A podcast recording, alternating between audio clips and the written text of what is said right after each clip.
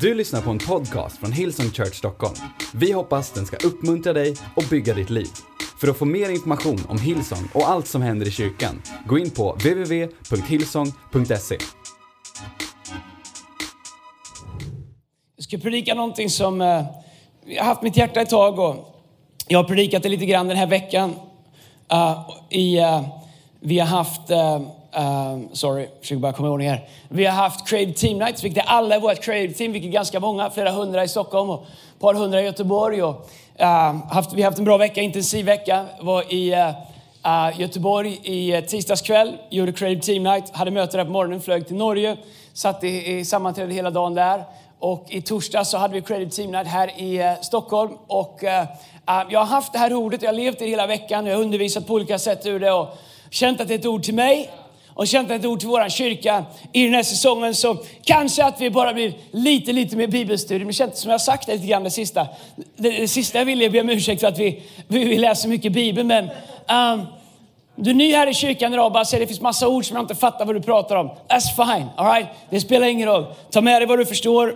Om du är här idag som inte håller med, that's fine. Uh, det, det, går också bra. Gör en resa. Jag inser att i vår kyrka så är vi massa människor som är på olika resor. Och, och, och din resa räknas. Och där du är, där du förstår och där du tror, det, det räknas, det spelar roll. Och min bön är att vi allihopa ska kunna fortsätta växa. Det finns liksom inget man måste nå fram till i våran kyrka för att vara en del av kyrkan. Du, du, du, är en del av kyrkan från första gången du kommer om du vill vara en del av kyrkan. Och efter det så får du göra din resa.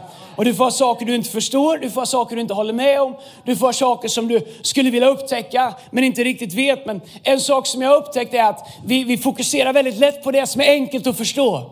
Och det som vi inte förstår, antingen så bara låtsas vi om att det inte finns eller så bestämmer vi oss för att inte hålla med om det. Men så mycket av Bibeln handlar om att lära känna Jesus, och ni ska lära känna sanningen.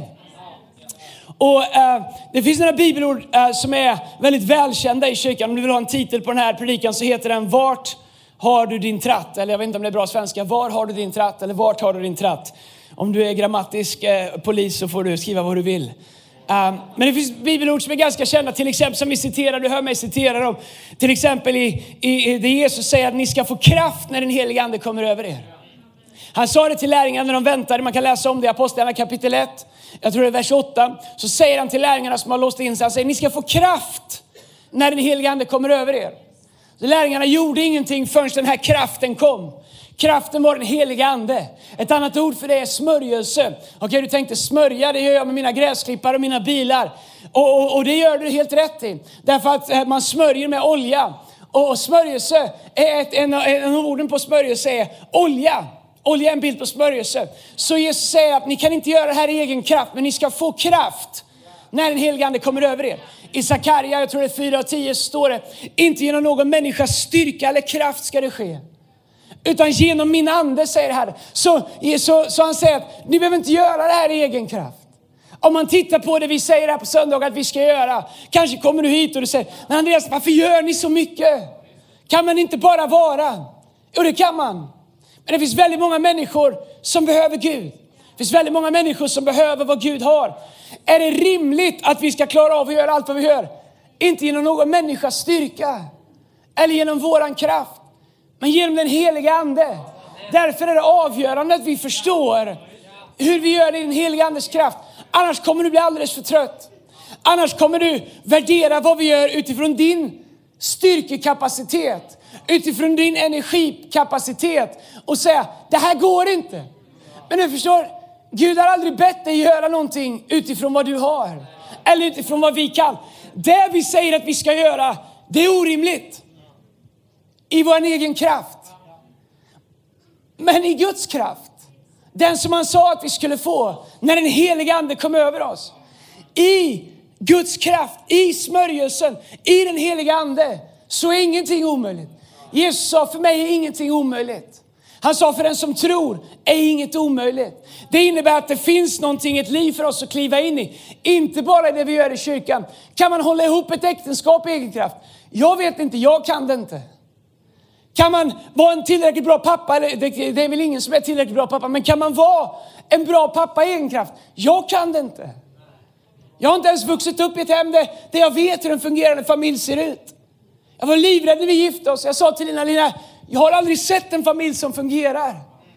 Ändå är jag välsignad att ha en familj som, som är allt jag kunde drömma om. Men inte för att jag hade vad som krävdes, men för att jag fick kraft utav den heliga Ande. Din dröm som du har om ett företag som du har startat, eller ett jobb som du har, eller en utbildning. Och om du, om du siktar på vad du kan, så kanske du får rätt.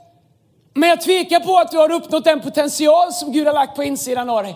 Därför att din potential och det som Gud har kallat dig till är omöjligt för dig att göra i egen kraft.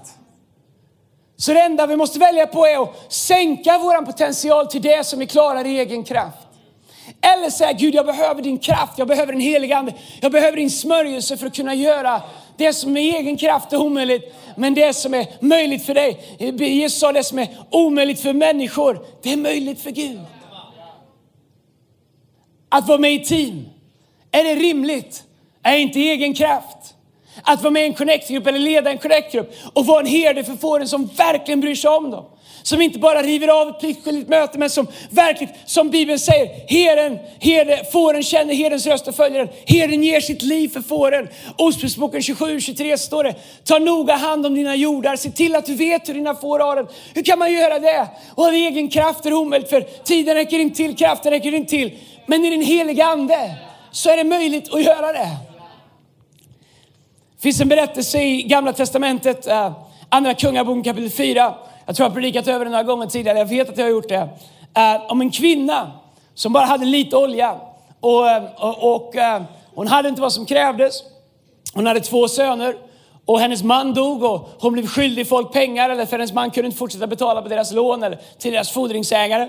Så fordringsägarna ville ta hennes söner till slavar. Och hon kommer till Elisa eh, som eh, hennes man hade varit en profetlärjunge och hon säger, jag har kris. Jag har inte det som krävs. Jag klarar mig inte med det jag har.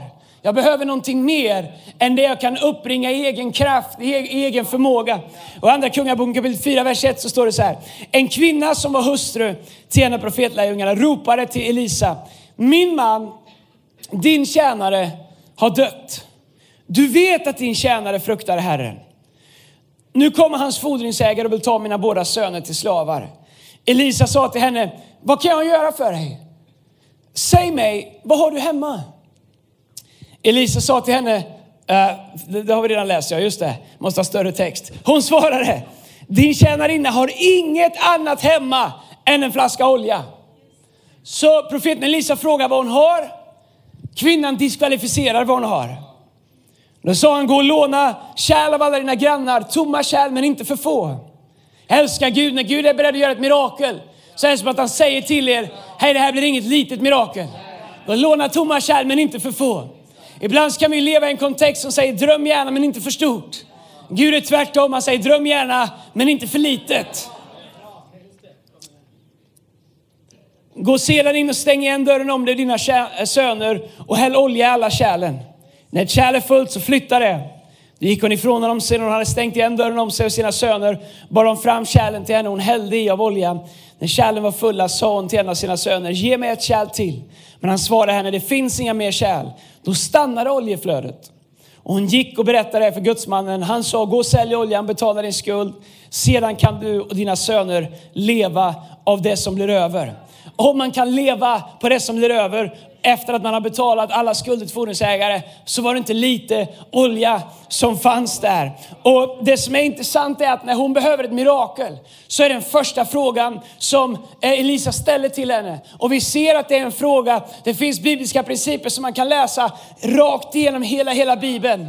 En av de tydligaste röda linjerna från första Moseboken till Uppenbarelseboken är Jesus. Du hittar Jesus i varje bok i hela Bibeln. 66 böcker, 67 om man räknar att vi är levande brev till den här världen. Men det räknas inte in i den här boken. Men eh, 66 böcker, du kan läsa, du hittar Jesus. Hela gamla testamentet handlar om Jesus och hela nya testamentet handlar om Jesus. Andra principer som finns i Bibeln är förlåtelse, nåd, upprättelse. En annan sak som är en av de mest framträdande principerna genom hela Bibeln, det är det faktum att Gud alltid vill använda någonting som vi har Gud använder ofta materia för att göra någonting som är övernaturligt. Det finns en man som är blind, Gud använder, Jesus använder geggamoja för att eh, eh, hela honom. Eh, den lame mannen i Johannes kapitel 5 säger Jesus, rulla upp din madrass. Det är som att Gud vill involvera oss med någonting mänskligt för att göra någonting som är övernaturligt. Han säger till Naaman, gå och doppa dig sju gånger i en, i en flod som är ganska smutsig. Det var inte vattnet, men det var det faktum att Naaman gjorde någonting.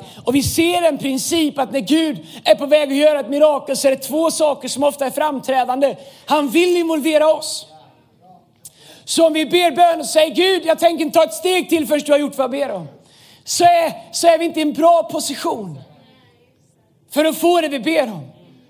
Det andra är att Gud kommer ofta, ofta fråga, nästan alltid fråga, vad har du som jag kan använda för att göra ett mirakel? Han säger till Mose, vad har du i din hand? Säger till David, vad, ta din slunga som, som Tobias eh, Palm läste här. Tycker om Tobias Palm. Han är en campuspastor här ute. Jag tror att han håller på att få sin första ålderdomskris. Han håller på att växa ut innebandyhår igen. Men jag tycker han är grym. Men det han säger om David är sant. David använder det han har och Gud kommer alltid leta efter det du har. Så problemet när vi har tittat på det vi har och jämfört det med det som vi behöver är att vi har gjort som kvinnan, vi har diskvalificerat det vi har. I många fall så har vi tagit det ännu längre på samma sätt som kvinnan gör. Vi är aktivt involverade i att förklara för Gud varför det vi har inte ens är användbart. Men Gud kommer alltid vilja använda det vi har. Så Elisa säger, äh, vad har du i ditt hus? Hon säger olja. Och det är det jag vill tala om lite grann idag. Jag vill tala om olja. Jag vill tala om den heliga ande. Jag vill tala om smörjelse. Därför att det finns några frågor, det finns några saker som är värda att titta på i den här texten över hur Gud gör mirakel. Så om vi ska förstå hur vi ska be så måste vi förstå hur Gud arbetar. Och ska vi förstå hur Gud arbetar så måste vi förstå Guds natur. Gud har en personlighet, Gud har ett tillvägagångssätt. Det går att förstå Gud. Det går att upptäcka vem man är. Och, och änkan, hon hade gjort allt hon kunde i egen kraft. Allt hon hade gjort. Men det hon hade nu, det räckte inte för det som hon behöver. Det jag ser i den här texten, är om du vill ha några punkter så kan du få det. Om du bara vill ha citat så kan du kalla det citat. Gör kalla det vad du vill. Punkt nummer ett. Gud vill bara använda det du har. Elisa säger, säg mig vad du har hemma. Så det är viktigt för oss att inte fastna i våran brist. Utan faktiskt titta på det vi har. Du som är här idag och säger, Gud jag behöver ett mirakel. Jag skulle vilja fråga dig idag, Säg mig vad du har hemma. Du som säger mitt, mitt äktenskap är värdelöst. Min fråga är, säg mig vad du har hemma. Säg någonting som är bra. Säg bara, tänk på en sak som är värd att fightas för. Du som säger, jag, jag har bett så många gånger och ändå inte fått det jag ber om. Come on, berätta för mig någonting som du har fått svar på när du har bett för det den sista tiden. Berätta för mig om någonting som du har hemma. Så diskvalificera inte vad du har. Och om du ger Gud det du har så finns det ingenting som Gud inte kan använda. Här är en curveball. Så många saker som vi försöker gömma för världen, för vi tycker att de är misslyckande. Vi gömmer dem för varandra.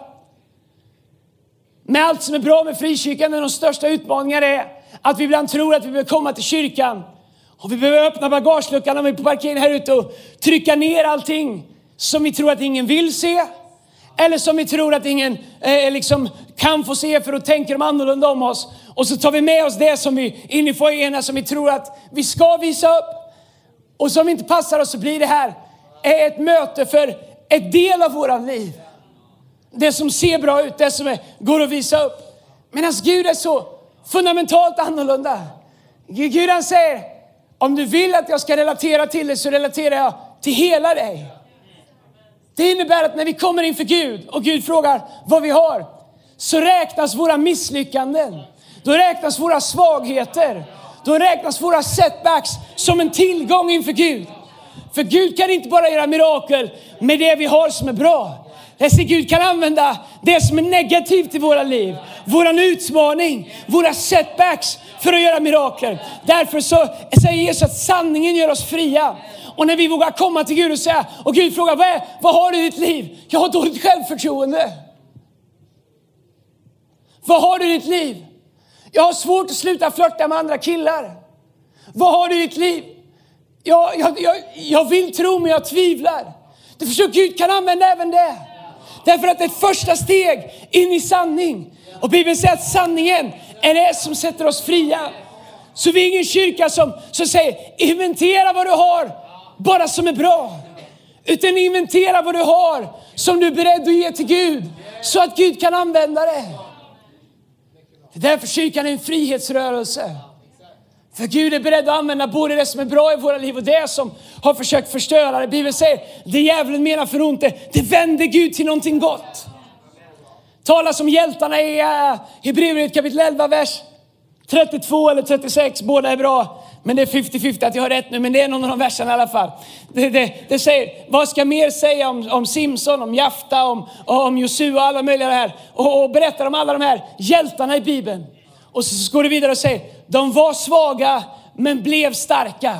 I den engelska översättningen, tror jag New King James, så står det om alla de här troshjältarna så står det whose weaknesses God turned in the strength.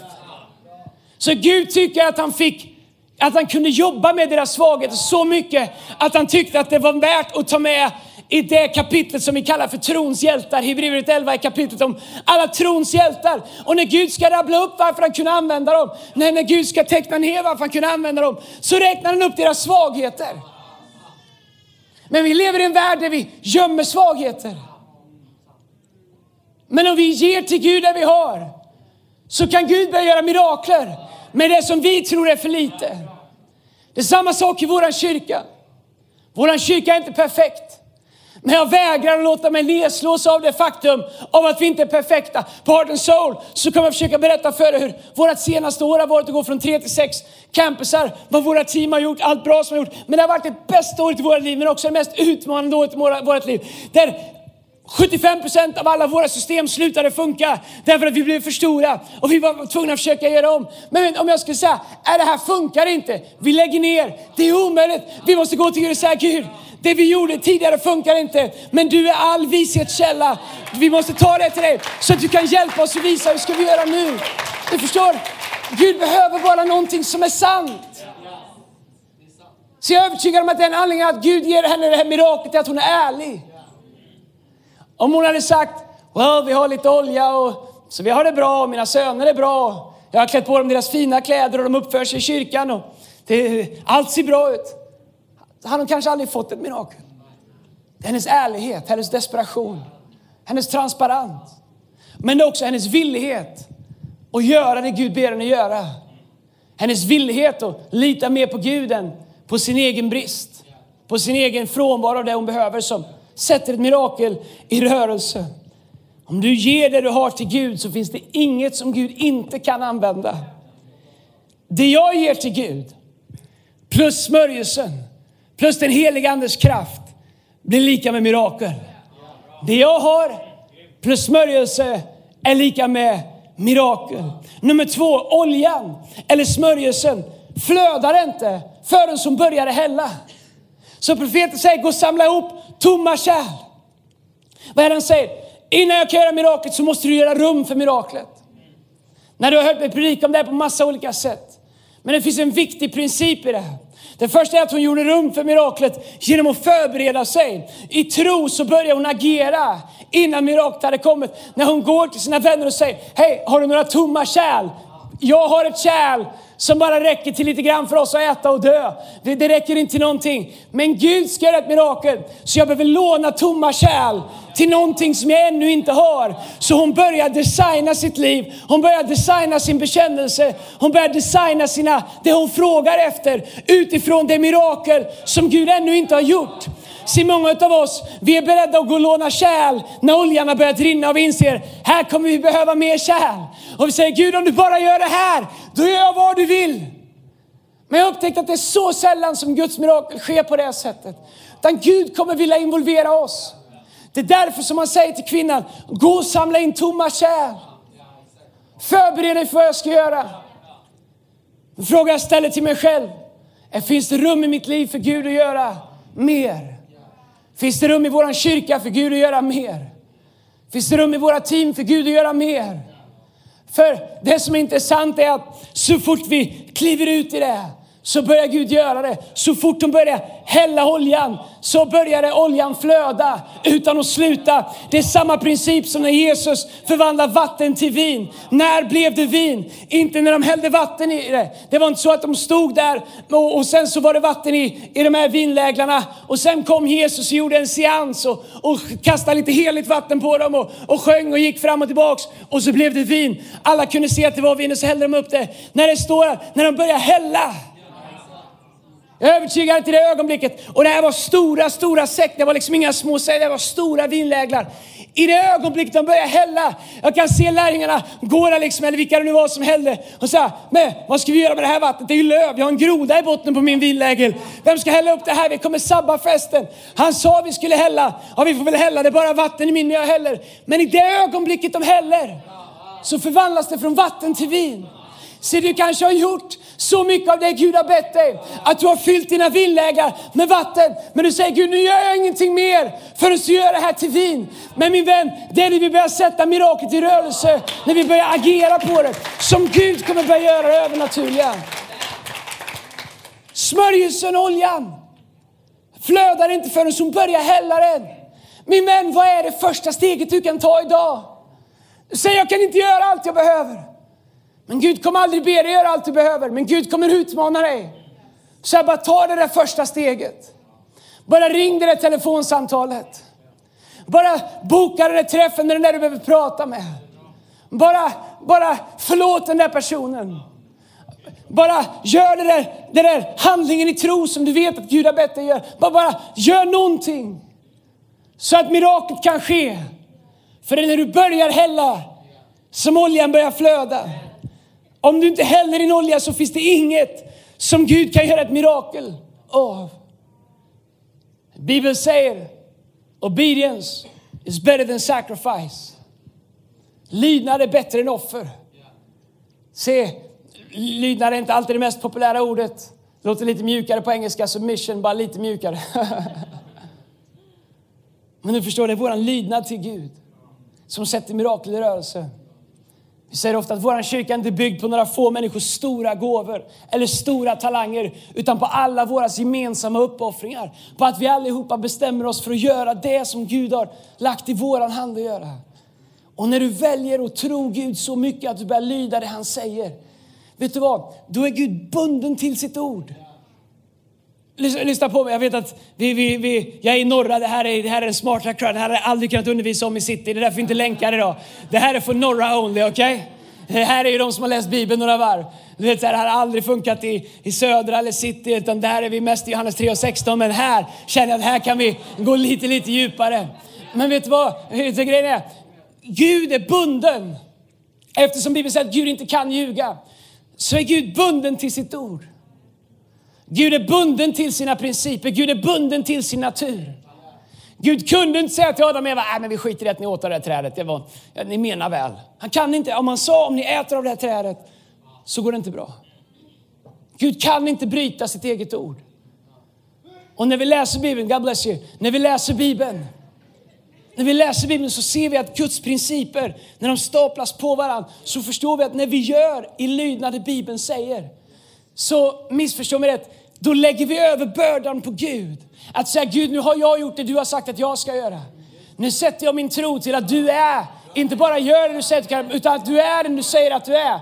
Och att du gör, att du visar att du är sann, att du gör det du säger att du kan göra och vill göra och ska göra.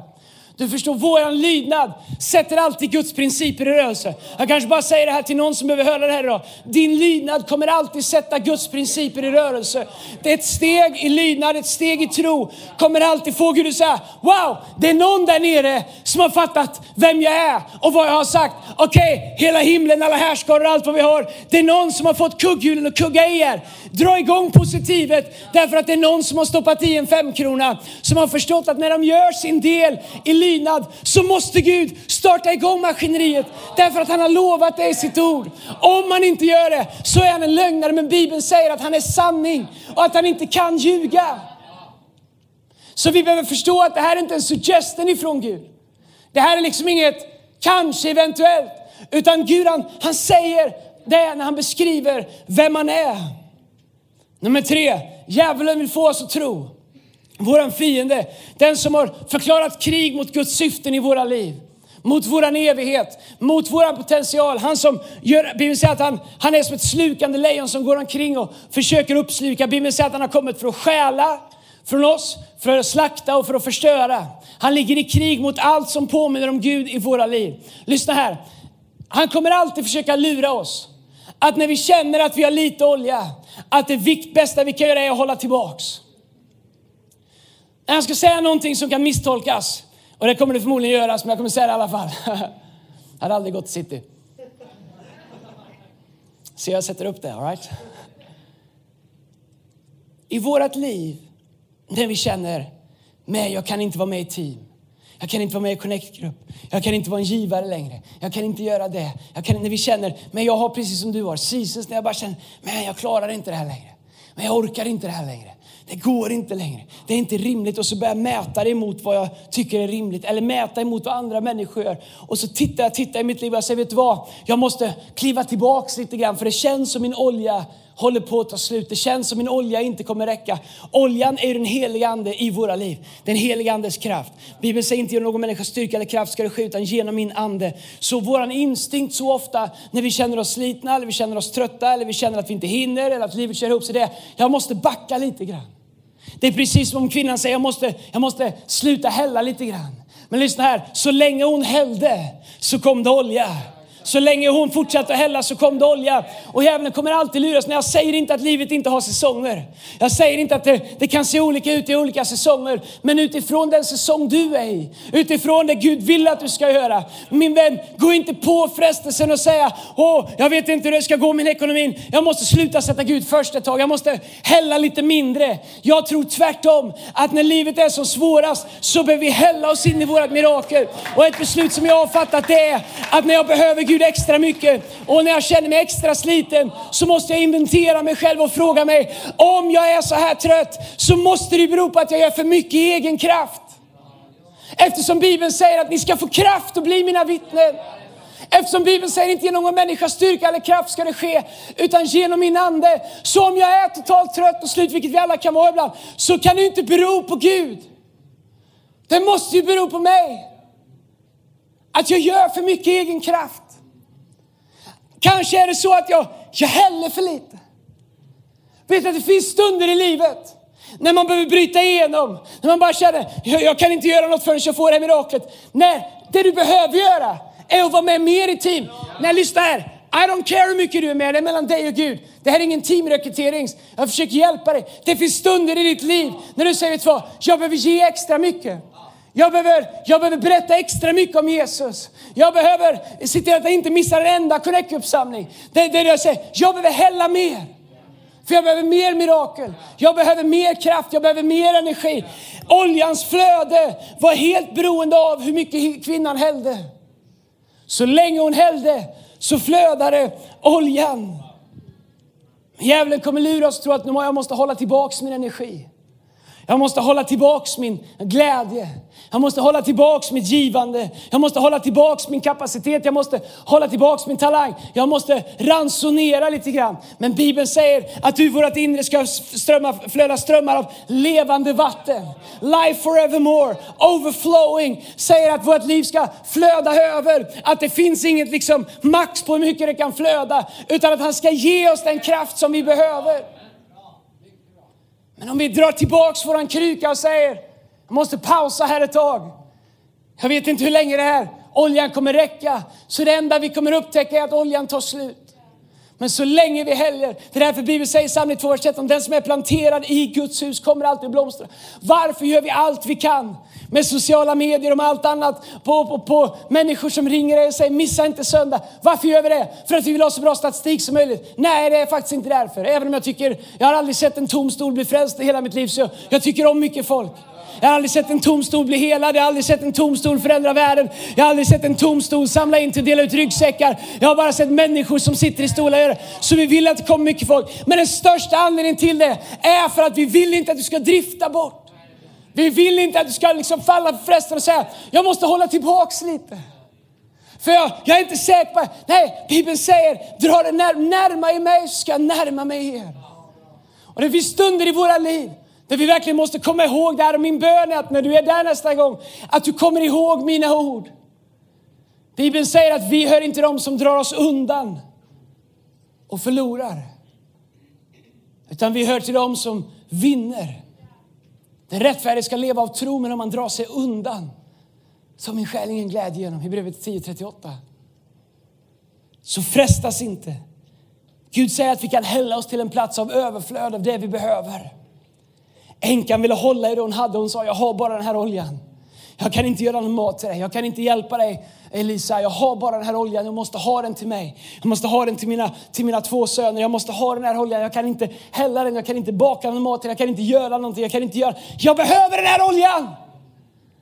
Och vi har så lätt för att titta på det vi har och säga, Gud du kan inte be mig om det här. Jag behöver det här. Bromsarna är trasiga på min husvagn. Det kanske är ett tecken.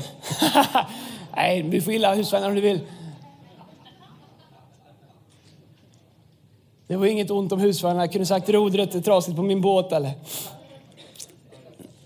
ammunitionen är slut i bössan. Hemska tanke.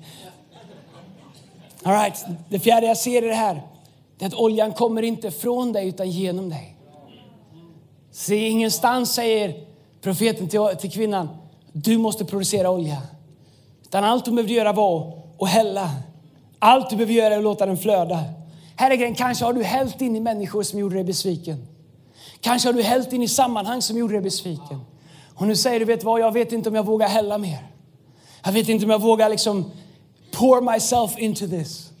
Jag vet inte, jag har hällt in i människor som gjorde mig besviken. Jag har hällt in i ledare som gjorde mig besviken. Jag har hällt in i sammanhang som gjorde mig besviken. Men vet du vad? Vi är inte ansvariga för det. Vi är ansvariga för att fortsätta hälla. Gud kommer ta ansvar för det. Gud kommer råda i det. Gud kommer justera i det. Gud kommer se till att det, att det som behöver rättas till kommer rättas till. Han kommer flytta på de som behöver flyttas på. Och han kommer sätta in oss som kommer sättas in i vårat jobb är att hälla. Om du är en människa som bestämmer, jag är en sån som häller. Du kommer hälla in i saker, du bara tänker, men det var onödigt. Men se, Gud kommer aldrig hålla dig accountable till vad som hände med den. Han kommer hålla dig accountable till hur mycket du hällde. Och det är det som är principen i den här texten som vi gör. Om vi slutar hälla så är det våran olja som tar slut. Och vi kan säga, jag häller inte för jag hällde in i honom och han var ett pucko. Jag häller inte för jag hällde in i ett sammanhang där, där jag var med innan och de var, de var inte kloka någon av dem. Men här är grejen, om jag slutar hälla så är det min olja som slutar flöda. Jag har också varit en del av ett sammanhang där jag hällde och hällde och hällde och det inte gick som jag trodde. Men om jag hade tagit det som en ursäkt för att sluta tjäna Gud så är det min olja som hade slutat flöda. Det hade påverkat mitt äktenskap, min vardag, min kallelse, min dröm, min ekonomi. De som Gud vill att jag ska nå, min frukt, min belöning i himlen en gång. Det är min olja som slutar när jag slutar hälla. Det är därför som vi inte kan köpa in de här lögnerna att nej, jag häller inte för jag har ingen bra stans att hälla. Men bara häll! Gud är ansvarig för frukten. Gud är ansvarig för det som växer. Paulus säger, någon planterar, jag vet inte om Paulus, Apollos vattnade, men Gud gav frukten. Gud gav frukten. Kanske det här idag du har slutat hälla. Kanske händer det något i ditt liv. Kanske bad du böner som inte blev besvarade. Kanske hade du en ledare som inte behandlade dig väl. Kanske du var med i ett sammanhang där, som inte gick som du trodde. Kanske har livet bara driftat iväg och det blev annorlunda. Du hällde in i andra saker istället. Du började hälla in i dina egna lador bara. Bibeln säger inte att vi inte får det. Men du börjar hälla inte i det som Gud hade kallat dig till, utan du börjar fylla upp massa andra krukor. Plötsligt står du här med en olja som inte rinner längre. Men det är så enkelt, det är bara att börja hälla igen. Så fort vi häller så flödar oljan. Vi häller in i människor, men vi häller inte för människors belöning. Utan för Gud som fyller oss. Ju mer vi häller, ju mer du häller, ju mer olja kommer du ha. Det femte och det sista i den här texten som jag vill tala om idag är att Gud lät oljan flöda tills änkan slutar hälla. vi har pratat om det tidigare. Du förstår, kärlen, det är våran kapacitet. Eh, profeten sa till henne, gå och hämta många kärl. När slutade oljan flöda? När det inte fanns tomma kärl längre. Bibeln säger tomma kärl ska, vill jag fylla, säger Herren. Gud har lovat att fylla tomma kärl. Se, vårt ansvar det är att fortsätta och, och låta oss stretchas. Det är därför ett av mina ansvar är att stretcha dig varje söndag när jag predikar. Kanske till den grad att jag ibland till och med provocerar lite grann. Det kommer tvinga dig att tänka. Mitt mål är att stretcha lite. Och när man stretchas så är det lite obekvämt och bara tänker, det var väldigt vad han pratade om. Han har nämnt pengar tre gånger i samma predikan. Har de ont om pengar? Det är inte det jag pratar om. Han har nämnt team fyra gånger. Har de ont om team? Det är inte det. Ja, det har vi alltid. Men det är inte det jag pratar om. Jag pratar om din kapacitet. För att Gud ska kunna hälla mer in i dig så, så måste du vilja växa. Hade hon hämtat mer kärl så hade hon hällt längre.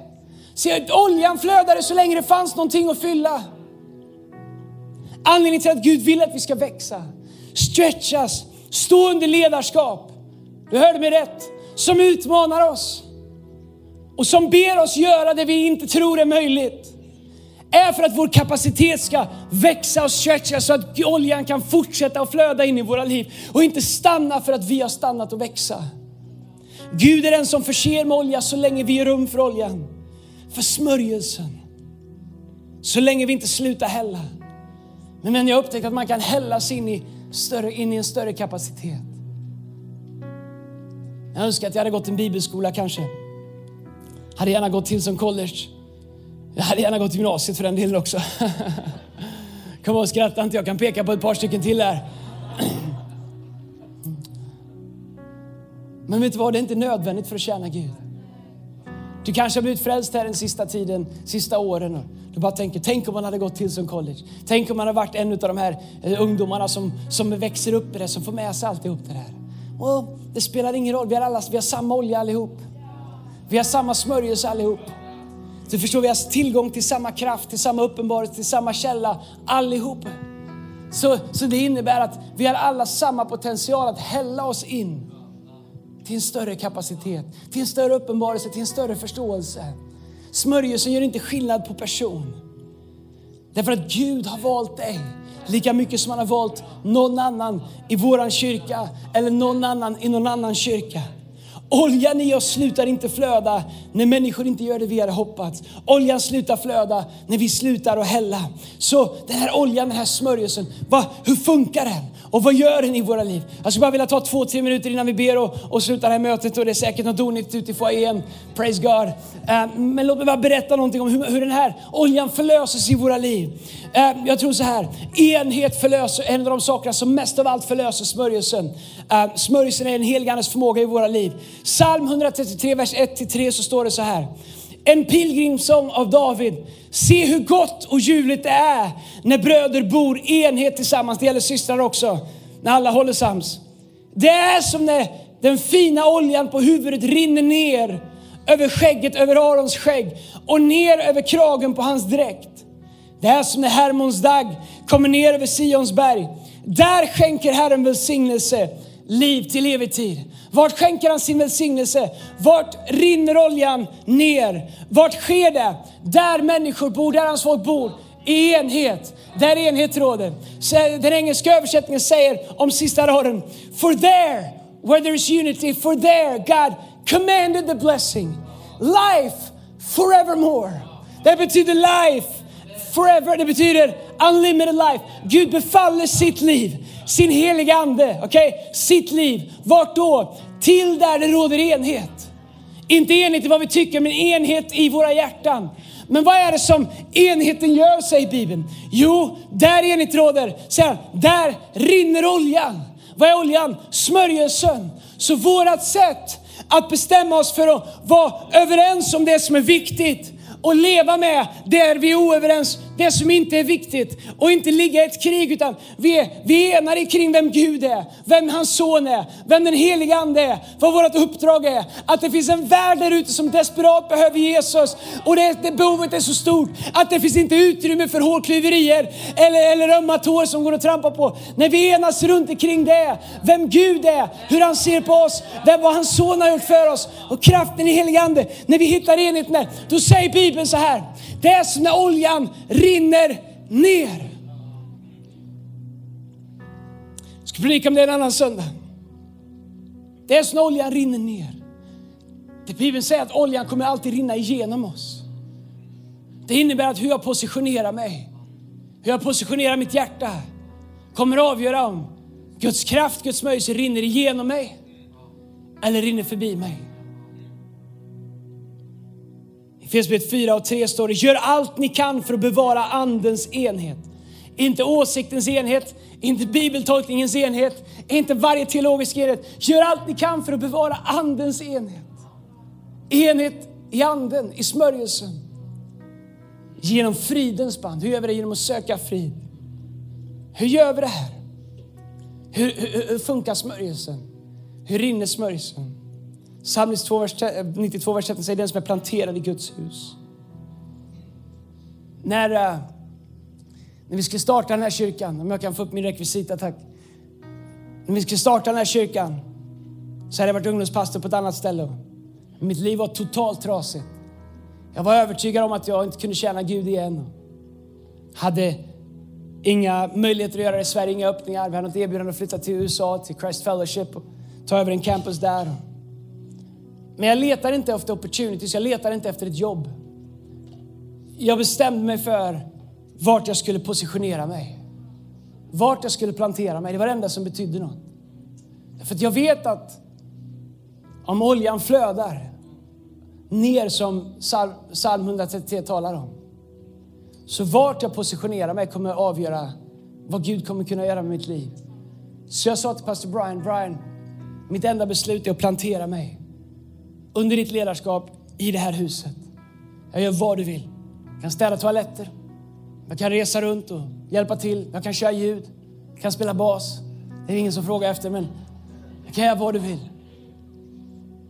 Brian sa, jag vill att ni flyttar antingen till Sydney och börjar jobba med mig direkt, eller till London och jobba med Gary Clark. Vi skulle flytta till London, jag och Lina. När vi skulle resa härifrån så upptäckte vi att det spelar ingen roll vart vi åker, så kommer våra hjärtan stanna kvar i Stockholm. Vi hade inget opportunity, vi hade inga möjligheter, vi hade inga efter, det fanns ingen efterfrågan. Men du förstår, vart vi var var oviktigt. Vart vi hade positionerat våra hjärtan. Vart vi verkligen hade planterat och positionerat våra hjärtan var avgörande. Så jag sitter med Brian, jag har berättat innan, och jag säger Brian, vi flyttar vart du vill. Vårt beslut är att positionera oss i Hillsong, plantera oss. Det här är vårt hem. Du är min pastor. Jag tror att jag har ledarskap för jag står under ledarskap. Och jag tror att oljan flyter ner. Jag tror att Gud använder människor för att leda människor. Så mitt beslut Brian är att plantera vad du än vill att vi ska göra. Säger du London så är det London, säger du Sydney så är det Sydney. Du kanske Andreas, är ni inte kloka eller? Nej, det är möjligt. Men jag säger Brian, vart vi än flyttar så vill jag att du ska veta att våra, våra hjärtan kommer stanna i Stockholm. Då vänder sig Brian och säger, well, let's start a church in Stockholm. Vi har fortfarande aldrig bett om att starta en kyrka. Vi har fortfarande aldrig frågat Gud om, om det är rätt. Vi har aldrig någonsin eh, liksom, eh, fastat över det. Vi bara gjorde det. Vårt beslut var vart vi skulle positionera oss. Allt bra i mitt liv har kommit ur det. Min familj, mitt äktenskap, min tjänst, min vardag, mina vänner. Allt har kommit ur mitt beslut att positionera mig. Det är därför jag säger till dig att smörjelsen kommer göra i våra liv det vi aldrig kan göra själva. Det jag gör varje dag, om jag bara tittar på mina senaste veckor, i min kraft, det är omöjligt. Jag vet inte ens om det är lagligt. Men vi, är inte, vi, är inte, vi, har ingen, vi har ingen eh, arbetsskyddsombud. Men i Guds kraft är det möjligt. Så mitt beslut har aldrig varit vad jag ska göra, mitt beslut har varit vart jag ska positionera mig. Och här är eh, Tobias Palm, campuspastor med innebandyfrisyr. Kom upp här. Uh, stå på den här sidan. Um, så det Bibeln talar om i psalm 33 är att smörjelsen flödar genom våra liv. Det här är våra hjärtan. Det är en tratt, okej? Okay? Det här är våra liv. Det är det som Gud vill använda. Bibeln säger att ur vårt inre ska flöda strömmar av levande vatten. Den här tillbringaren, så törstig. Den här tillbringaren är Gud, okej? Okay? Han är större än så här, men idag så är det här Gud. Det här vattnet är smörjelsen. All right? Bibeln säger att Gud inte gör skillnad på människor. Det innebär att Gud har inte favoriter. Det är inte så att han säger åh jag älskar Stephen Furtick. Förlåt. Det är inte så att han säger åh, jag älskar Tobbe Palm. Gud gör inte skillnad på människor. Smörjelsen är samma, vi har alla samma tillgång till smörjelsen. Så det Bibeln säger, nu får du hålla micken så tar jag, tar jag tratten. Gud säger att han häller sin smörjelse. Och att om vi positionerar våra hjärtan så kommer allt vad Gud är flöda genom oss. Men här är vad vår utmaning är. Någon säger någonting till oss, ja ah, det där gillar jag inte. Så jobbar vi i egen kraft. Så, så, så flödar det inte genom oss längre. Eller vi säger den där ledaren som leder mitt team nu, den gillar jag inte. Eller den där sången gillar jag inte. Under lovsång, vi drar bort vårt hjärta lite. Vi drar bort våran tratt lite grann. Nu, nu pratar de om, nu tar vi kollekt igen som att det är någon skräll. Det gör vi varje söndag. Nu, nu drar jag bort mitt hjärta lite grann. Men det är så vi är. Och så säger vi, Gud varför är det så tungt? Gud varför funkar aldrig mitt liv? Gud varför blir jag aldrig upptäckt? Gud varför får mitt liv aldrig fäste? Men Gud säger, hej, där, där, där ni lever i enhet, där flödar oljan uppifrån och ner. Inte genom någon människas styrka eller kraft ska det ske utan genom min ande. Ut ert inre ska flöda strömmar av levande vatten. Ni ska få kraft när den helige Ande kommer över er och blir min vittne. Varför jobbar ni så hårt i egen kraft? Varför sliter vi så mycket i egen kraft? Tack Tobbe. Se min fråga till dig här idag. Det här, vart är din tratt? Vart är din tratt? Vart är ditt hjärta? Får den helige Ande flöda igenom dig. Säg Andreas, jag är trött. Kanske har du jobbat hårt både i kyrkan och på andra ställen. Det bästa jag kan säga är att se till att din tratt är centrerad. Djävulen kommer alltid försöka komma åt våra hjärtan. Hans mål är att få oss att dra undan våran tratt. Ibland använder han legitima saker, ibland använder han saker och ting. Han säger, hej såg du det där? Hörde du det där? Har du sett det där? Stör inte du dig på det där? Jo, det gör jag. Men helige Ande säger, trust me. Lita på mig. Håll kvar din tratt. Inte genom någon människas styrka eller kraft ska det ske, utan genom min ande, säger Herren. Lovsångsteamet kan komma fram. Jag skulle vilja be en bön. Här är den bönen som jag upplever att Gud har bett mig att be idag. Ska vi göra så att vi står upp allesammans? Vårt hjärta är tratten som smörjelsen som flödar igenom. Vart vi positionerar vårt hjärta kommer att avgöra om vi lever ett liv i egen kraft. Där vi får stånga oss igenom varje vägg. Eller om vi lever ett liv i den helige Andes kraft där han säger att han ska krossa kopparportarna, att han ska höja upp dalarna, att han ska sänka ner bergen, att han ska leda oss på rätta vägar för sitt namns skull, att vi ska gå på förutberedda gärningar, att han ska öppna en dörr för oss som ingen människa kan stänga, att han ska vara allt vi behöver, att alla våra källor har vi i honom. Om en tusen faller vid din ena sida, om en tiotusen faller vid din högra sida, så har han lovat att du inte ska falla, om ditt hjärta är rätt. David han säger, skapa i mig Gud ett rent hjärta. Ordspråken 4.3 säger, mer än allt som du ska bevara, mer än allt som du ska vara rädd om. Mer än tungotalet, mer än böner, mer än givande, mer än allting. Allt det där är värt att vara rädd om. Men mer än allting, bevara ditt hjärta för därifrån utgår livet. Därigenom flödar allt liv. Det går inte att leva ett kristet liv i egen kraft. Det går inte att tjäna Gud i egen kraft. Det går inte att vara med i team i egen kraft. Det går inte att vara med i Connect-grupp i egen kraft. Det går inte att vara en visionsbärare i egen kraft. Det går inte att förlåta människor i egen kraft. Det går inte att leva i enhet i egen kraft. Det går inte att vara en givare i egen kraft. Men du kan hitta så många saker i våran kyrka och i den här världen och hänga upp dig på. Men om du drar undan din tratt så är det ditt ansvar. Men Bibeln säger att om vi bara, om vi bara positionerar våra hjärtan så har han lovat att han som har startat ett gott verk i oss, han är trofast han är rättfärdig han kommer fullborda det. Men jag, jag är en sån, jag drar min tratt in och ut, in och ut. Men jag har lovat mig själv att när jag känner att jag jobbar i egen kraft, när jag känner att jag stör mig på saker, när jag känner att jag blir ofördelaktigt behandlad. Det ska inte påverka min tratt. För jag kan inte leva utan hans smörjelse. Jag kan inte leva utan hans närvaro. Jag kan inte vara en pastor utan den helige Ande. Jag kan inte vara en, en man till Lina utan den helige Ande. Jag kan inte vara en pappa utan den helige Ande. Jag kan inte vara en ledare till våra staff utan den helige Ande. Allt jag behöver göra är att positionera min tratt och säga, hej så länge jag häller så länge det flödar så har jag allt vad jag behöver. Hey church, så länge oljan flödar spelar det ingen roll vad vi inte har. Vi har ändå allt vad vi behöver. Och han kommer ge oss allt vad vi behöver så länge vi inte slutar hälla och så länge vi ger rum för mer. I Jesu namn, med alla huvuden böjda, alla ögon stängda. Allt Gud ber dig är att positionera ditt hjärta. Jag skulle vilja be en bön. Jag skulle verkligen vilja be alla blunda även här uppe på plattformen. Jag kommer inte peka ut, men jag vill be för dig som är här idag. Och här är en bön som jag vill be. Jag vill be för dig du som är här idag, som säger Andreas, jag har låtit någonting komma åt mitt hjärta. Jag, jag har dragit undan min tratt lite.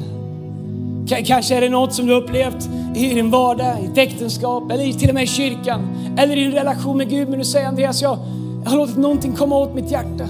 Om du är ärlig här idag, vilket du lika gärna kan vara det, för att det går inte att fejka flödet. Säg Andreas, jag, jag är trött, jag jobbar i egen kraft. Jag stör mig på saker. Jag har saker jag inte kunnat komma över.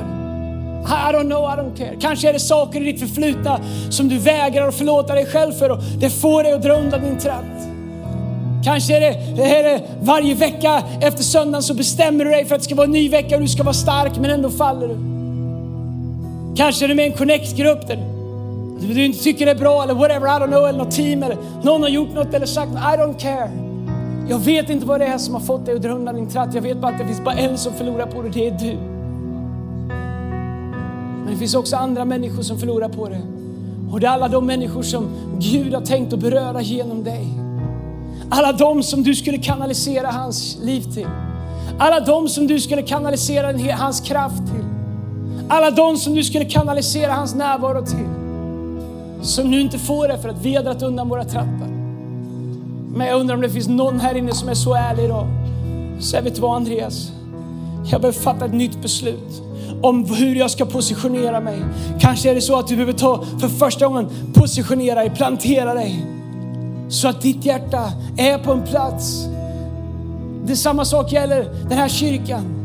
Du är en del av den här kyrkan, gör det till en del av den här kyrkan. Vi är inte perfekta, vi är långt ifrån perfekta.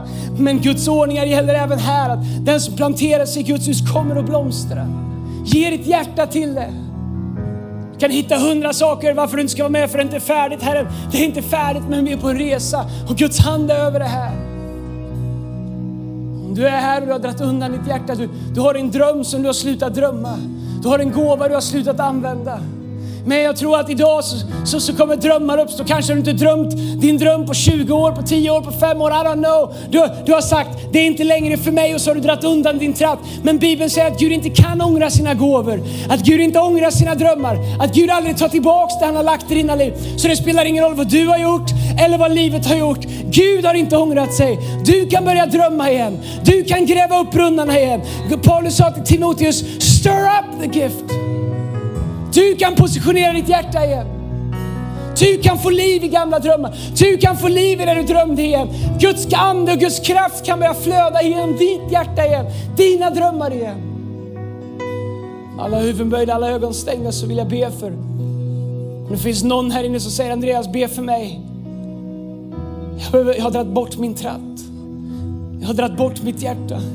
Jag inser att Guds ande inte, och Guds smörjelse inte längre flödar genom det som det skulle kunna. Jag har jobbat i egen kraft, jag har gjort det på mitt sätt. Men idag så inser jag att jag behöver repositionera mitt hjärta och min tratt så att den helige Andes olja kan flöda genom mig när den rinner. Som, som, som Saltaren beskriver i psalm 133. När den flödar och rinner ner så som kvinnan hällde olja. Så vill jag att den ska hällas genom mitt liv. Oavsett vad som har fått dig att dra tillbaka din tratt så vill jag be för dig som behöver fatta ett beslut om att, om att komma rätt igen, om, om att stoppa tillbaks den igen. Även hur, vad som än har hänt, det här handlar inte om vad som har hänt, det här handlar om vart är ditt hjärta idag?